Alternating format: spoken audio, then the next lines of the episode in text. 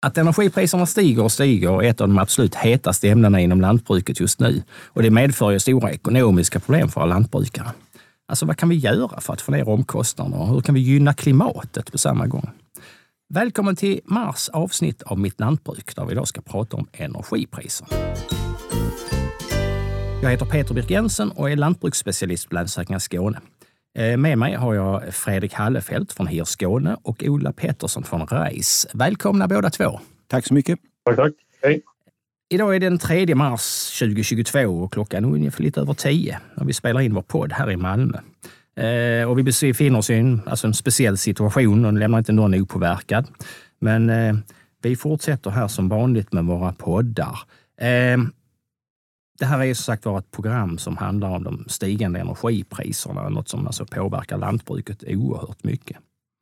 Eh, och djurfoder, och konstgödsel, och diesel och el och allt är jättedyrt nu.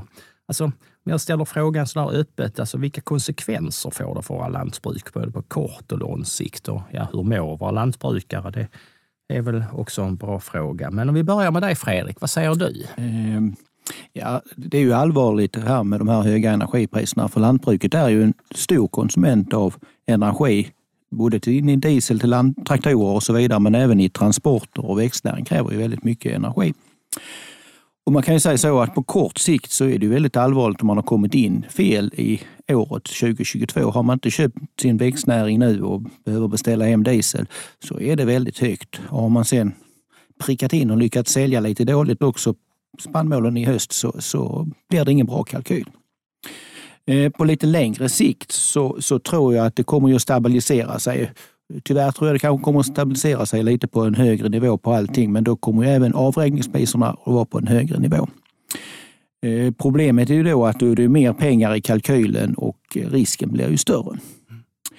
Sen sa de hur våra lantbrukare mår. Ja, jag tror att de flesta kanske inte tänker så mycket på de här frågorna just nu, utan jag tror de är mer intresserade av vädret och vårbruket just nu. Mm, de har det för sig. Vad säger Ola? Har du, har du någon fundering runt det?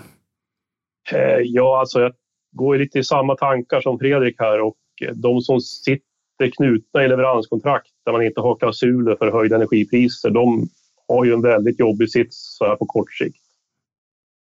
Sen så på längre sikt så kommer ju konsumentpriserna att stiga Eh, Eh, det gäller bara att det får genomslag ända ner till botten på systemkedjan, att de pengarna verkligen når lantbrukarna också på längre sikt. Ja.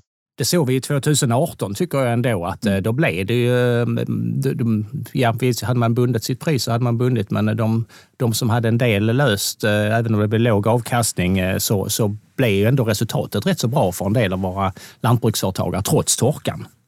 Utan där fungerar väl marknaden hyfsat vettigt i alla fall, tycker jag. Um... Jag, tänk, jag, tänker också på många lantbrukare sitter i andra typer av entreprenader med transportkörningar och extrakörningar, snöröjning och så vidare. Och även där gäller ju att eh, energipriserna är intecknade i kontrakten och på rätt sätt. Annars har man ju ett jobbigt på kort sikt. Ja, just det. Sen tror jag, kopplat till det här hur lantbrukare mår idag, så att säga. Jag känner att det finns ju en, alltså just för energisatsen känner man sig rätt maktlös. Man har inte och trådar att dra i riktigt där utan man känner sig lite bakbunden. Men samtidigt så finns det en enorm kämpaglöd och vilja liksom att ställa om energibasen på gården också. Att komma framåt ur det här. Att, eh, just att inte vara så sårbar som vi ser att alla jordbrukare idag just nu. Mm. Där, där finns ju en vilja att ställa om. Och det finns ett, där finns en stark kämpaglöd på lantbruken. Bara man kan se att den här vägen framåt är, är realistisk och utlagd på kartan så att säga. Mm. Att man inte går åt olika håll hela tiden. Om vi ställer, ställer frågan, vi, vi lägger Ukraina åt sidan och eh, som är, vi inte alls kan spå i, men alltså energipriserna, alltså hur har de sett ut de senaste tre åren? Har de varit en uppåtstigande trend redan, redan innan? Eh, eller vad, vad, vad, tror du? Eh, eller kommer de sjunka igen eh, på, på, kanske på en högre nivå. Alltså, du var inne på det Fredrik lite grann tidigare. Ja, ty tyvärr så är är det ju en uppåtgående trend. Även borträknat säga, situationen i världen just nu. Mm. Men jag är lite rädd att den situationen kommer att snäppa upp ytterligare lite här framöver. Ja. Och sen kan vi ju hoppas att det återgår till ett lite mer normalt läge. Men jag tror inte att vi kommer att se kraftigt sjunkande energipriser. Nej. Det tror jag inte.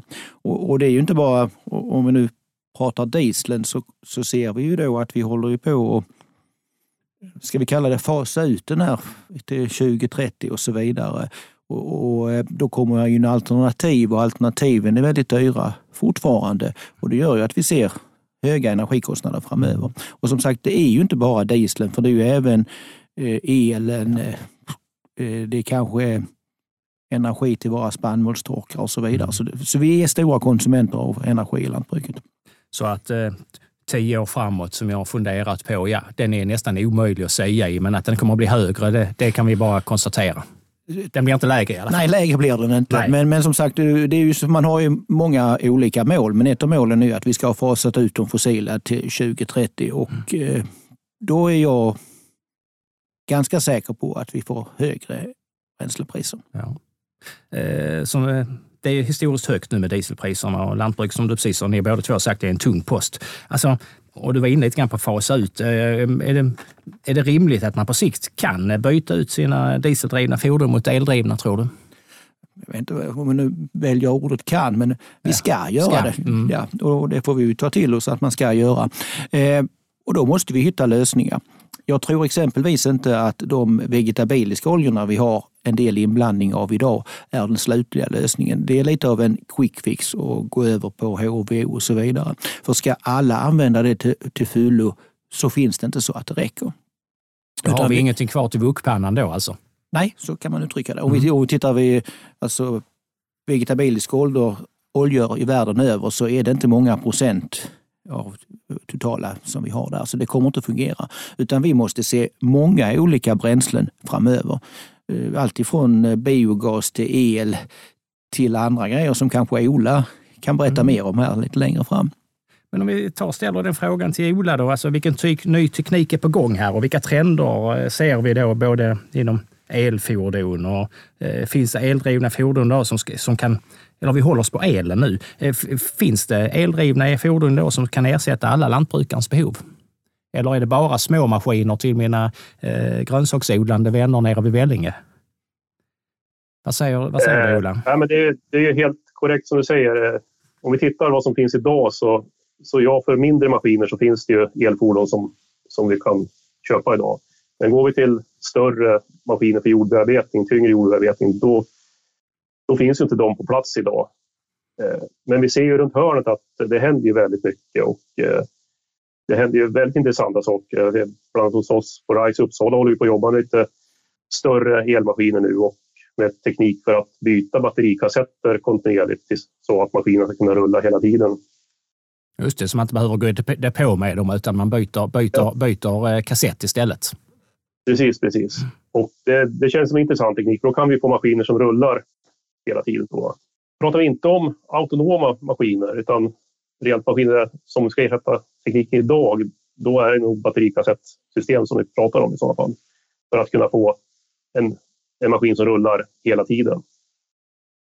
Sen pratar vi el, alltså elfordon, då tänker man ju batteri, kabel och så vidare. Men, men el eh, kan man ju få in i systemet på annat sätt också.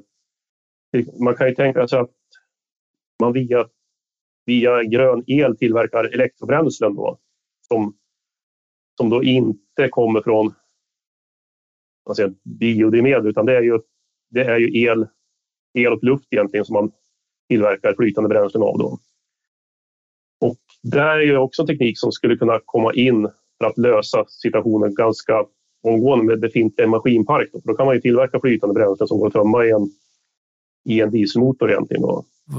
Hur, vad, vad, vad, heter det då? Eller eh, har du något namn? Det... Man kallar det elektrobränslen, benämner man det mm. idag. Idag är det ju kolossalt energikrävande och kolossalt dyrt, så det har inte varit på tapeten än.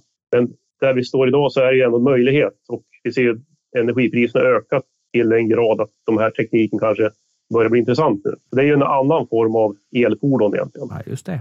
Vad säger, vad säger Fredrik? Har du någonting att tillägga där?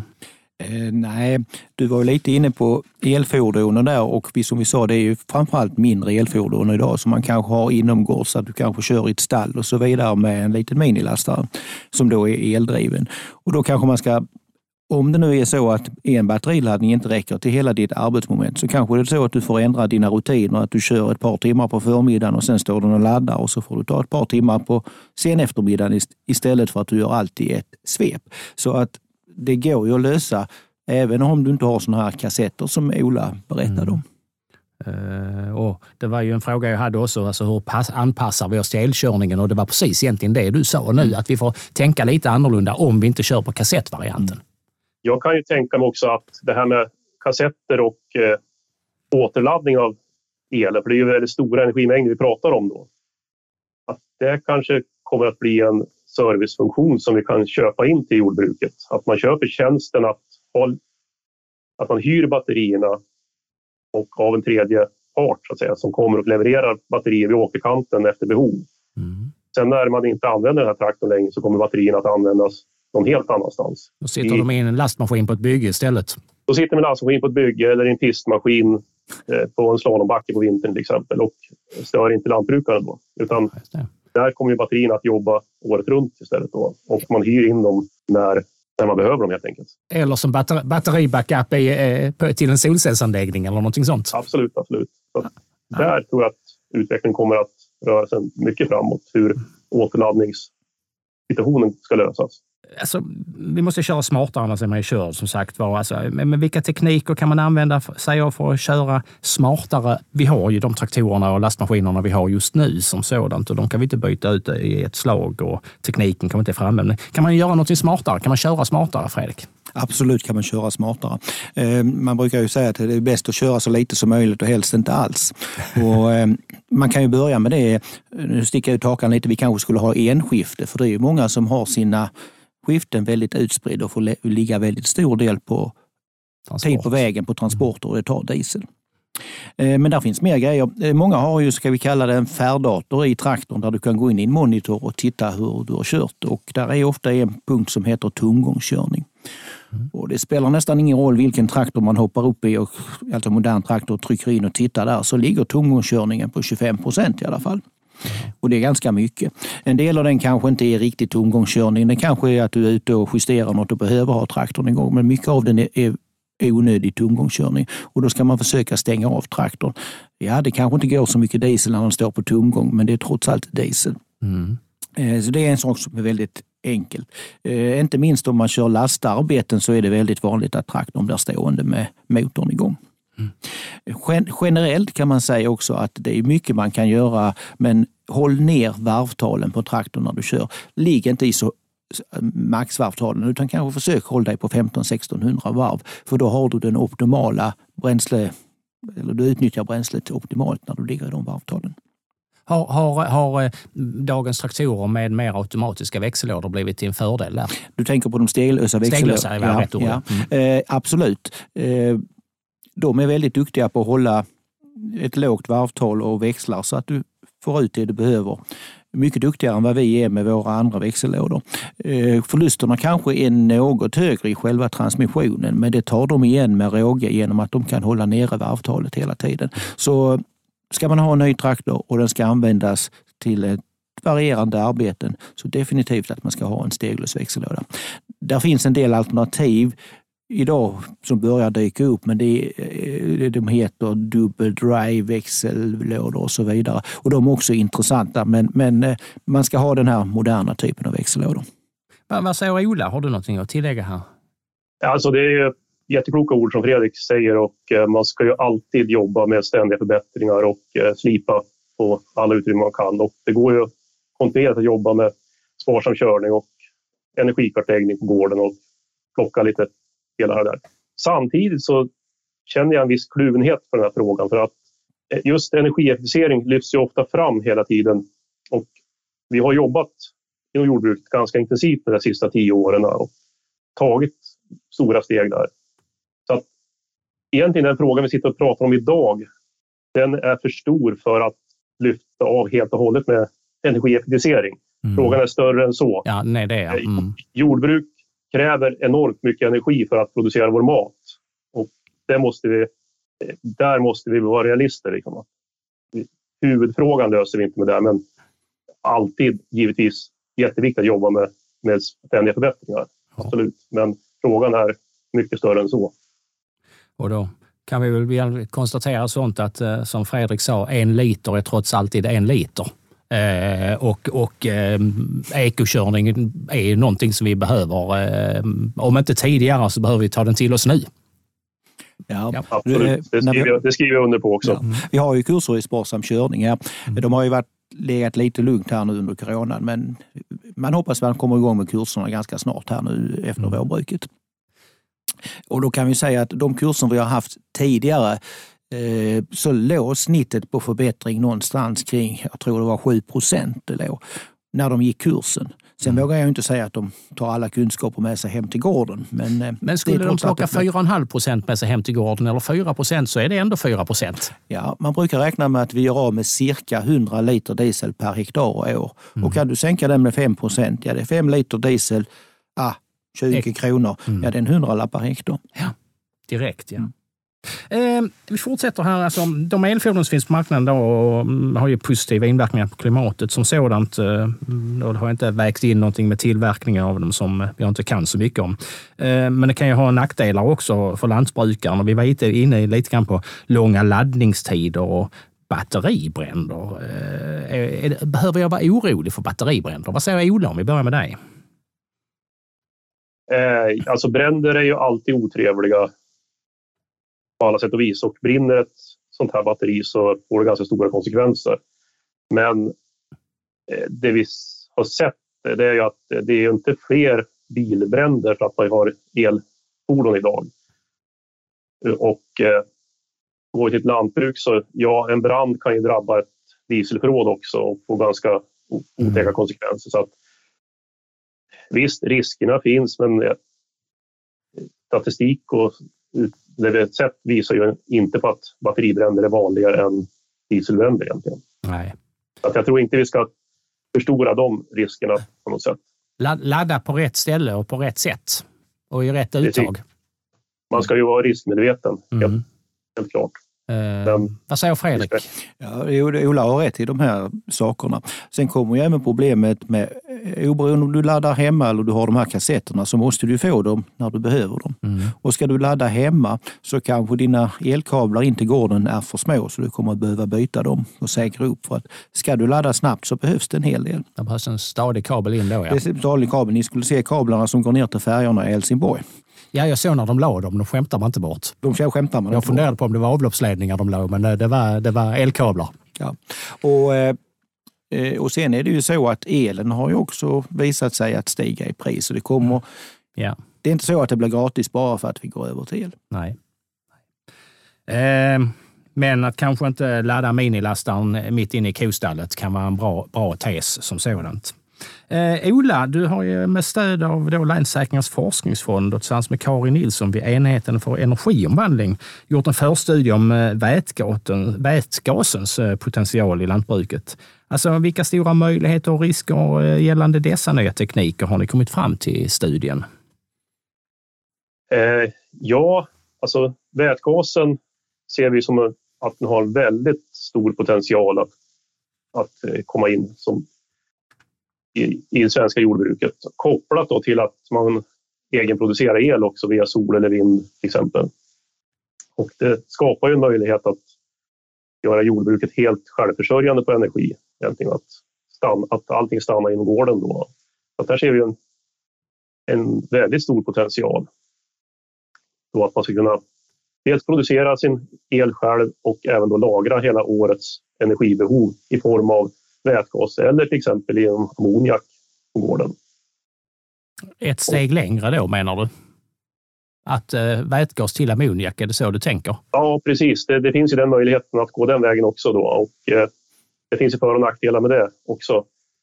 Eh, men som jag ser det så kan ju ammoniaken vara lättare att lagra på gården. Den blir mer energität och lagras inte under samma höga tryck heller.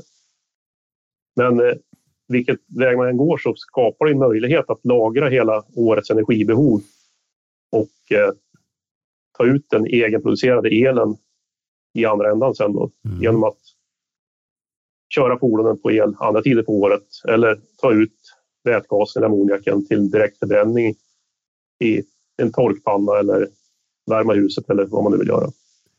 Hur, eh, hur långt bort ligger en sån här tanke? Är vi, är vi forsk, fortfarande rent i forsknings eh, på labbnivå eller är vi längre komna?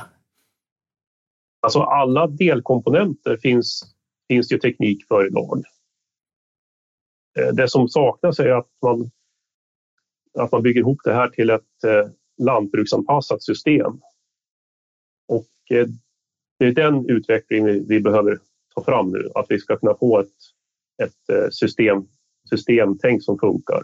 Och eh, pratar vi risker med det här så ja, det är ju en rätt omogen teknik så risken är att man eh, får en del utvecklingskostnader och eh, barnsjukdomar på sådana här system.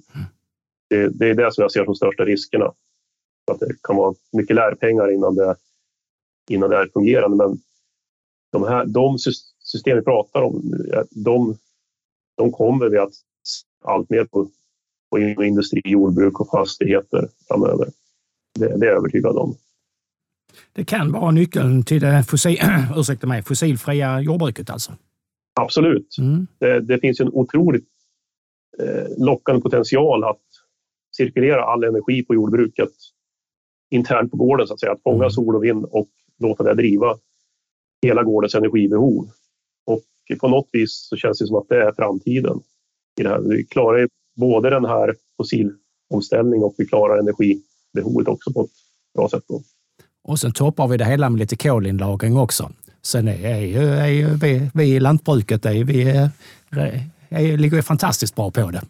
Det är en mycket lockande tanke, mm. absolut. Ehm, Ehm, det är så lätt att fokusera på el och nu pratade vi lite grann om, om vätgas och sedan ammoniak. Men alltså, hur ser det ut på de biogasdrivna traktorerna? För några år sedan så tyckte jag det var en hel del diskussioner om det. Nere på Borgeby fältdagar såg man där knallade under lite grann eh, traktorer med biogastankar och dylikt. Men så har jag inte hört så mycket eh, om just eh, biogasen. Eh, är det någonting som kommer komma igen eller är det ett mellanting? Eller är det några andra drivmedel förutom de vi har tagit upp och el och diesel givetvis? Vad säger, eh, om vi börjar med Ola där?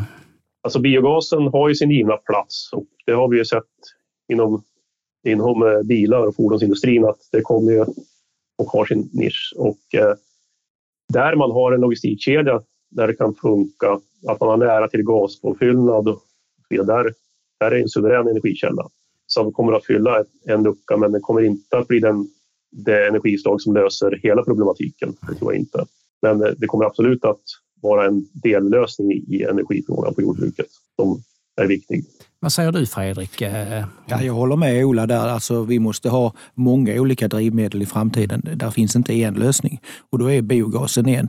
Och det är som, precis som han säger här att logistikkedjan måste fungera fram till gård där traktorn finns. Mm. Och sen är det som så att vi ser att det många av maskintillverkarna har ju utvecklingsprojekt på biogastraktorer. Men jag tror inte att det är någon som säljer en biogastraktor idag. Jag kan ha fel där, men jag tror inte det. Mm. Det är mest på bussidan och sopbilarna mm. som rullar, rullar på det som eh, kanske också med jämna mellanrum går in i samma depå och eh, och kan fylla på då. Sen ska väl gissa att biogasen ska väl också uppgraderas för att kunna gå rent i vissa motorer, eller det kan vara lite olika. Eh, det kan vara olika, det beror på ja. vad motorn är inställd för. Mm. Men eh, det är ju så att traktorer det är, inte, det är en liten produkt, det är inte så många. Och det gör ju att lastbilar och bussar är många fler och då är det, går utvecklingen fortare där. Ja, så det kommer till lantbruket efter ett tag. Ja. Så det kommer, ja, självklart. Eh, alltså precis det Fredrik nämnde nu att det som kommer på lastbilar och bussar styr ju väldigt mycket utvecklingen av vad som kommer inom lantbruksmaskinerna. Det är ju mm. liksom, det är lite följa John där, att det, den teknik som lastbilarna tar fram, den kommer strax efter på, på lantbruks, stora lantbruksdragarna också. Och då är vi tillbaks till det med vätgas igen. Mm. Att det som vi ser kommer in på bred front nu, det är ju bränslecell och vätgasdrivna lastbilar. De stora lastbilarna med lång, långtransporter. Då. Och det är väl de man kan jämföra med stora fälttraktorer där du har väldigt stora energilager som ska med på maskin mm. och långa arbetsdagar. Så där, där kan man nog göra en, en, profetia ganska snart att den tekniken kommer att komma in på fältmaskiner också. Vätgas och bränsleceller. Mm. Och vi kommer ju då förmodligen att se två olika typer av eh, maskiner på gårdarna då kanske. Den ena stör, stordragande som säger med vätgas eh, eller bränsleceller och, och den lilla som är en, en mer en e, e, eldriven som eh, går lite grann för inomgårdstransporter och lastmaskiner som snurrar under bara på gårdsplanen. Ja, det, det, tror jag precis. För att den, den utvecklingen ser vi på lastbilssidan också att eh, närtransporterna kommer att lösas med batterier, påfyllnad laddade batterier eller batterikassetter och eh, långtransporterna kommer att ha bränsleceller och vätgas. Men i grund och botten så blir det ju samma transmission ändå. Det blir ju en eltransmission och elmotorer. Sen får man ju tänka att bränslecellen och vätgasen är egentligen bara ett annat batteri. Mm, just det. Ehm, till sist skulle jag vilja fråga båda vilka råd eh, ni vill ge till lantbrukarna som är oroliga över de stigande energipriserna. Vad säger Fredrik? Ja, man får ju se över sin energi, energiförbrukning och om man då börjar inomgårds så kan man göra en energikartläggning där. Och då ser man var de stora förbrukningarna är och vad man kan göra åt dem. Det är kanske så att man ska byta ut någon fossil bränslekälla mot något annat och då finns det stöd att söka, exempelvis Klimatklivet, som då kan vara en väldigt bra fråga. Och när vi ser på fältsidan och lantbruksmaskinerna så kanske det är lämpligt att gå en kurs i sparsam körning. Det kanske inte är rocket science, men många små idéer och tankar får man förhoppningsvis med sig hem och kan sänka dieselförbrukningen. En liter och en liter. En liter och en liter. liter. Vad säger Ola? Ja, alltså jag kan väl måla upp den här bilden lite bredare perspektiv då och säga att eh, oron över energipriserna det är ju helt förståeligt och det kommer vi att känna som både producent och konsument. Och eh, matpriserna kommer nog att stiga. Men vi ser att det här ser ju likadant ut inom hela EU och Sverige kanske har egentligen lite bättre horisont än vad övriga EU-lantbruket har kommit i och med att vi har jobbat ganska mycket med fossilomställning redan. Så att eh, i det perspektivet så sitter vi kanske inte i en sämre sits i Sverige än vad andra länder gör. Vi måste ju bort från den här oljeepoken på något sätt och där har ju Sverige jobbat på ganska bra. Så att, eh, vi står inför en ganska stor energiomställning och kanske ett högre matpriser framåt. Men mat kommer ju alltid att behövas. Så att, eh, framtiden fungerar nog för lantbruket lantbrukarna på ett bra sätt ändå tror jag. Det är jag helt övertygad om. Det är duktiga entreprenörer som vi har där ute.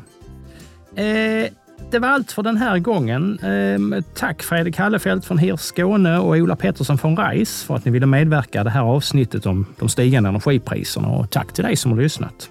Ehm, om du vill lyssna på tidigare avsnitt, gå in på eh, www.lansforsakringar.se skane mitt lantbruk eller bara sök på mitt lantbruk där poddar finns.